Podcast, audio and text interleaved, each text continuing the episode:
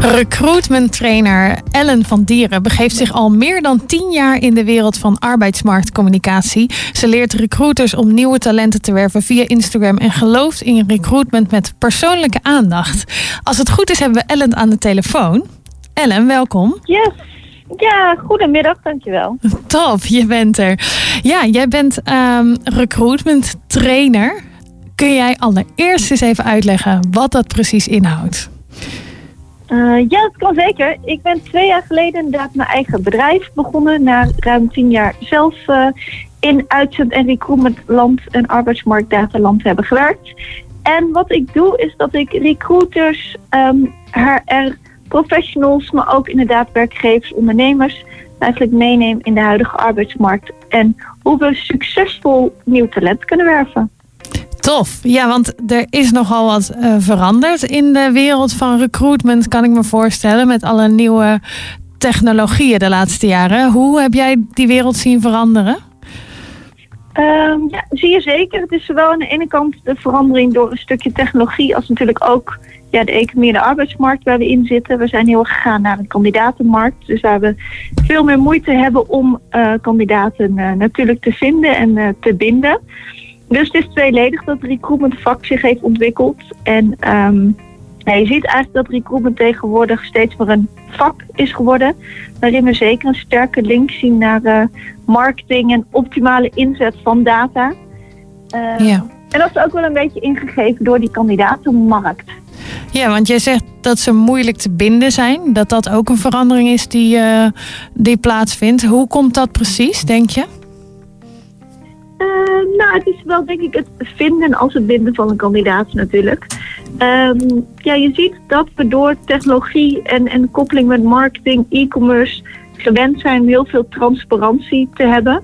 Dus zowel in transparantie in aanbod als sollicitatieproces als reviews. Dus het solliciteren wordt natuurlijk makkelijker. Er is meer aanbod, het is transparanter. Dus daarin zie je ook echt wel een verschuiving. Ja, en, en een, een recruiter die moet daar natuurlijk op inspelen. Hoe um, verandert de rol van een recruiter? Of hoe is dat veranderd de laatste jaren? Uh, die is zeker veranderd. Je ziet dat uh, de recruiter de rol eigenlijk veel breder is geworden, veel diverser.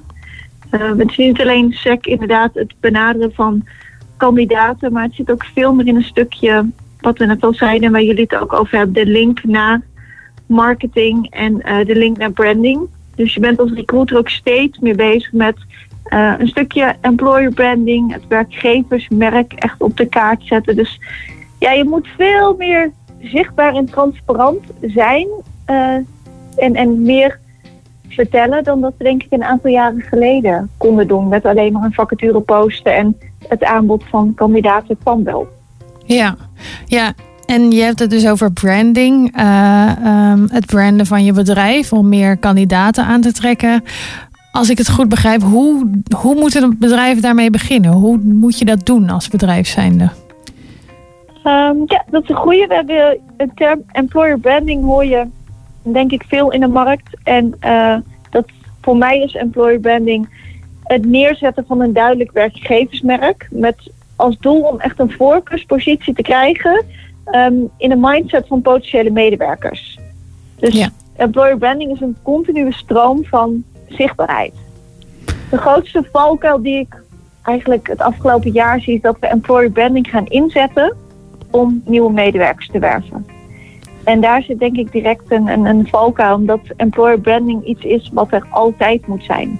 Er dient altijd een bepaalde zichtbaarheid van jouw werkgeversmerk um, te zijn. En dat is ook in tijden van recessie en minderwerving. Weet je, die continue stroom en dat zaadje planten bij iemand, die voorkeurspositie en beeld van een bedrijf, van een werkgever krijgen, is een continu proces. Ja, dus niet alleen als er een vacature open staat, maar gewoon constant je bedrijf eigenlijk in de picture zetten op positieve manier. Ja. Ja. ja. En, en je ziet natuurlijk dat heel veel bedrijven dat eigenlijk wel doen met een stukje corporate branding. Dus gewoon hun um, merk, een commerciële bedrijfsprofiel, uh, bedrijfswerk in de markt te zetten. Ja. Um, maar in mijn beleving is wie je bent als um, ja, dienstverlener of het product wat je aanbiedt of de oplossing. Ja, weet je, dat, dat is natuurlijk niet ook wie je bent als werkgever. Dus Nee. daarin zit wel een goede mindsetverandering voor een ondernemer. Dat je ook moet bedenken, wie ben ik als werkgever? En wat is dan mijn werkgeversmerk? Waarom zouden mensen mijn product willen kopen, mijn dienst? Maar aan de andere kant ook, waarom zouden mensen hier willen werken?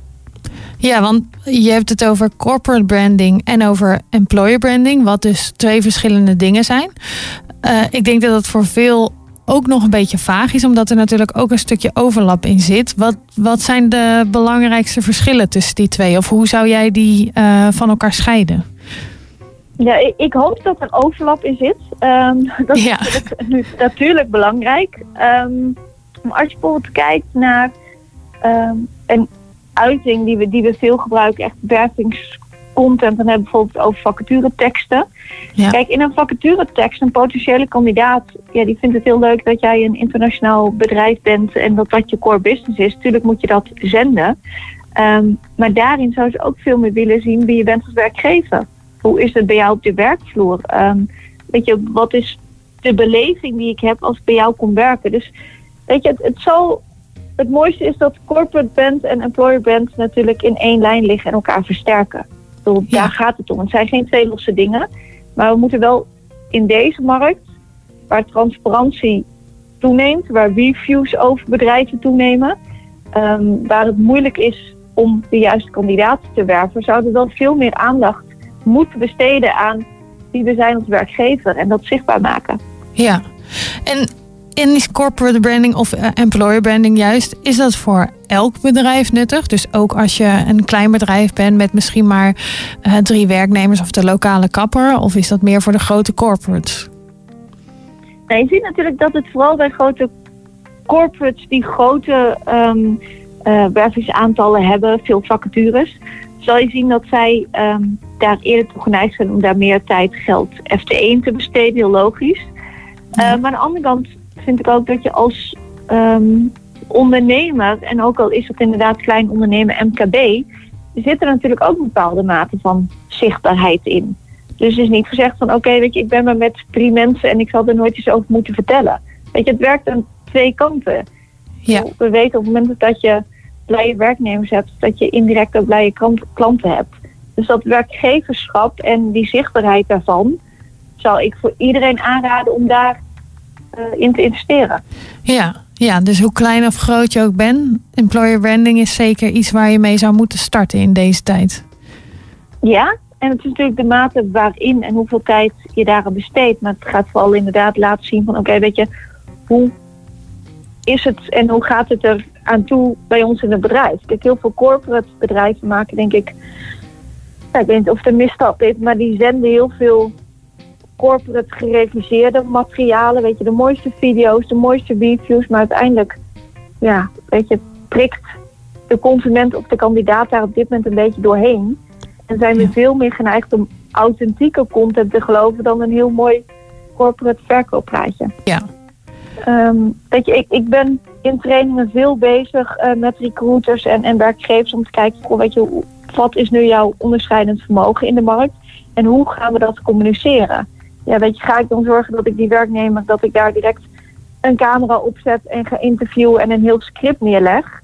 Ja, Of ga ik mijn medewerkers faciliteren en trainen om zelf eh, bepaalde video's te maken of vlogs of verhalen te delen. En ik geloof wel heel erg in die authentieke content. Dus ook de vrijheid die je geeft aan je medewerkers om dat je zelf content, content te mogen maken en te delen. als er nou mensen luisteren en denken: Goh, ik heb een best leuk bedrijf. Ik wil eigenlijk ook wel iets aan employer branding doen. Waar begin je als bedrijf met zoiets? Ehm, we zeggen altijd intern beginnen is extern winnen. Dat betekent begin intern met het verhaal van je bedrijf. Dus ga eens kijken, weet je, wat is onze organisatie, wat is onze bedrijfscultuur? Weet je, bij je eigen mensen en probeer vanuit intern, dus met je eigen mensen, verhalen te gaan creëren die je eh, zichtbaar kan maken. Dat je, is dat online, is dat offline? Dus begin intern met, je zegt, kijk van wat is ons onderscheidend vermogen, hoe is het om hier te werken? En te bedenken waarom zou iemand hier komen werken in plaats van bij de buurman. Ja, Dus het begint voor mij intern en vooral dan ook met je eigen mensen en eigen verhalen naar buiten brengen.